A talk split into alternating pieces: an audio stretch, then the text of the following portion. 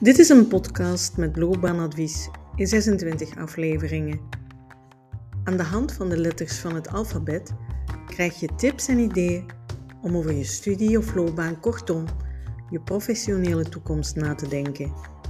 Veel plezier met dit loopbaanlexicon.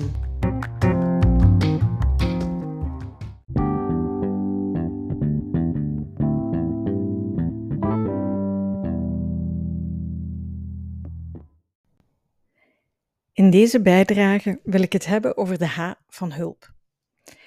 Ik moet meteen eerlijk zijn en toegeven dat ik zelf op zijn minst een bijzondere verhouding heb met hulp bieden, hulp vragen en hulp krijgen. Ik geloof namelijk dat de mens in wezen zeer goed in staat is om voor zichzelf te zorgen en daar geen externe hulp bij nodig heeft.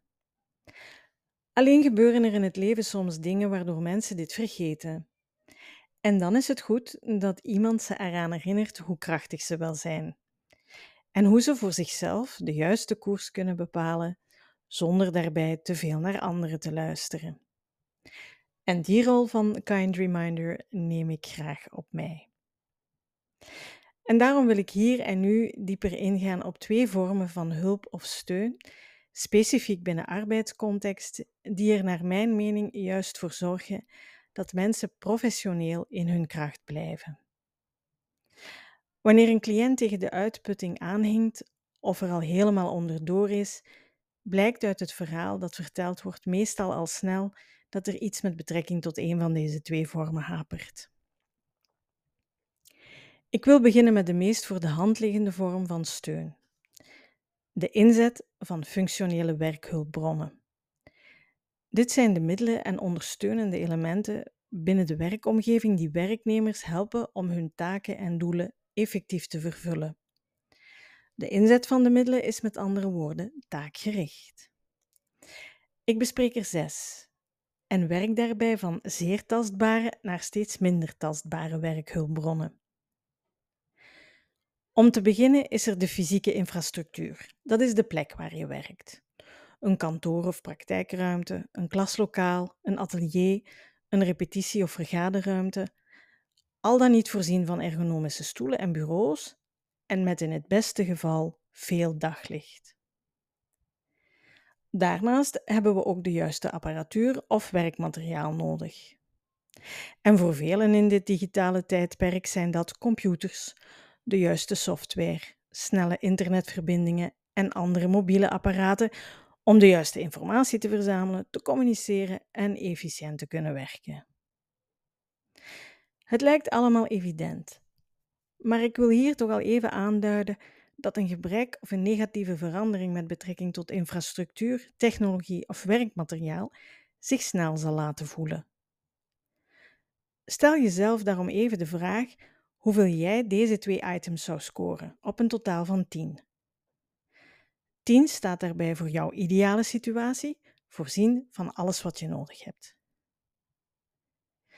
We gaan verder met werkhulpbronnen die je niet moet afstoffen. Misschien ben je verantwoordelijk voor bepaalde projecten die geld kosten. En dan heb je natuurlijk ook realistische budgetten en andere financiële middelen nodig om alles binnen een bepaalde tijd tot een goed einde te kunnen brengen. En het spreekt ook voor zich dat je niet wil blijven stilstaan. Je wil je verder ontwikkelen en bijleren. Organisaties voorzien daarom in opleidingsmogelijkheden, cursussen en workshops. Zo worden vaardigheden en kennis vergroot, wat bijdraagt aan professionele groei en aan de effectiviteit op het werk. En dit heeft dan weer tot gevolg dat mensen zich competenter gaan voelen en hun welbevinden op het werk toeneemt. Tenminste, als het opleidingsaanbod ook adequaat is afgestemd op de professionaliseringsnoden van de medewerkers. Ik ben zelf geen voorstander van een standaard aanbod, maar wel van een pakket dat is samengesteld na een juiste monitoring van de hiaten in kennis en skills. En medewerkers zelf hebben daar zeker een stem in. Misschien kan je ook hier al eens even een score op 10 geven. Heb je in die van toepassing de financiële middelen voor je projecten? En zijn er daarnaast de juiste professionaliseringsinitiatieven? Dat brengt ons bij het laatste item, dat bij de functionele werkhulpbronnen hoort. De toegang tot informatie en feedback. Na jaren als loopbaanadviseur te hebben gewerkt, vind ik dit zelf de meest vervelende. Als het hieraan schort, kan je er niet meteen de vinger op leggen, maar het heeft wel duidelijke gevolgen. Gebrek aan relevante informatie en toegang tot feedbackmechanismen om het eigen werk te kunnen beoordelen en verbeteren, voelt aan als een boycott. En is dat feitelijk ook. Ik wil daarmee niet insinueren dat bedrijven of organisaties bewust bepaalde informatie niet laten stromen, maar ik merk toch nog steeds dat het belang van toegang tot relevante gegevens niet overal is doorgedrongen. Jammer, want sommigen kunnen daardoor gewoonweg hun job niet naar behoren doen. Jij kan, als je wil, deze parameter ook eens scoren voor jezelf. De zes besproken hulpbronnen zijn voor beleidsmakers binnen bedrijven en organisaties behapbaar, gemakkelijk meetbaar en zelfs redelijk te manipuleren. De tweede vorm van steun is dat minder, maar vanuit het perspectief van arbeid in relatie tot gezondheid van even groot belang. Social support.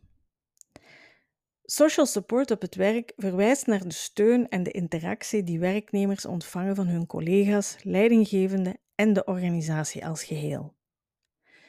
Social support op het werk is van cruciaal belang voor het welzijn van werknemers en bij gevolg voor de prestaties van een volledige organisatie. Nu, het creëren van een positieve en ondersteunende werkomgeving mag dan wel als vanzelfsprekend klinken, maar het is een voortdurend proces dat de inzet, inzet sorry, van zowel het management als alle andere medewerkers vergt. Omdat ik de dingen graag vereenvoudig, permitteer ik mezelf om dit hier ook te doen. En eigenlijk begint en eindigt een positieve en ondersteunende werkomgeving met communicatie gekoppeld aan daadkracht. Ik licht het met vijf voorbeelden toe. Het begint met de communicatie over de doelen en de waarden van de organisatie. Een open communicatie over waar de firma voor staat geeft mensen de kans om voor zichzelf te beslissen of ze zich daarin herkennen. Ik kaartte het al eerder aan, maar herhaling kan nooit kwaad. Medewerkers hebben professionaliseringsinitiatieven op maat nodig. Bij- en nascholingen moeten zowel de doelen van het individu als de doelen van de firma dienen. Anders is het slecht besteed geld.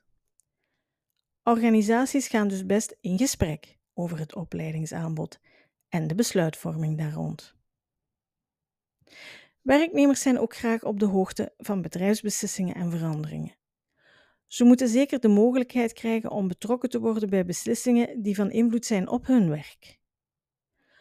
Open en eerlijke communicatie kan angst en onzekerheid verminderen en een gevoel van veiligheid geven. Mensen worden ook graag beloond voor hun inzet. En daarvoor dient natuurlijk in de eerste plaats het salaris. Maar een applaus af en toe doet ook wonderen. Een eenvoudig goed bezig vind ik persoonlijk te gemakkelijk. Beter is het als exact wordt benoemd welk aspect van het werk zo gewaardeerd wordt. En elk team heeft wel eens een conflict. Met respect, constructieve bemiddeling, duidelijke afspraken en controle op de naleving daarvan krijg je de meeste ruzies wel weggewerkt. Het lijkt me wel helder. Communicatie is de ruggengraat van social support. En daarmee komt er een verpletterende verantwoordelijkheid bij people management te liggen. De magie van goed people management ligt hem in gedragsbeïnvloeding via overleg, communicatie dus. En degene die dat in de praktijk moeten brengen, die moeten tijd maken, luisterbereid zijn en vooral doen wat ze zeggen. Laat duidelijk zijn dat welbevinden op het werk evenzeer afhangt van taaklast. Met deze letter H heb ik geprobeerd om toe te lichten welke elementen kunnen bijdragen aan de draagkracht om die taaklast te kunnen torsen.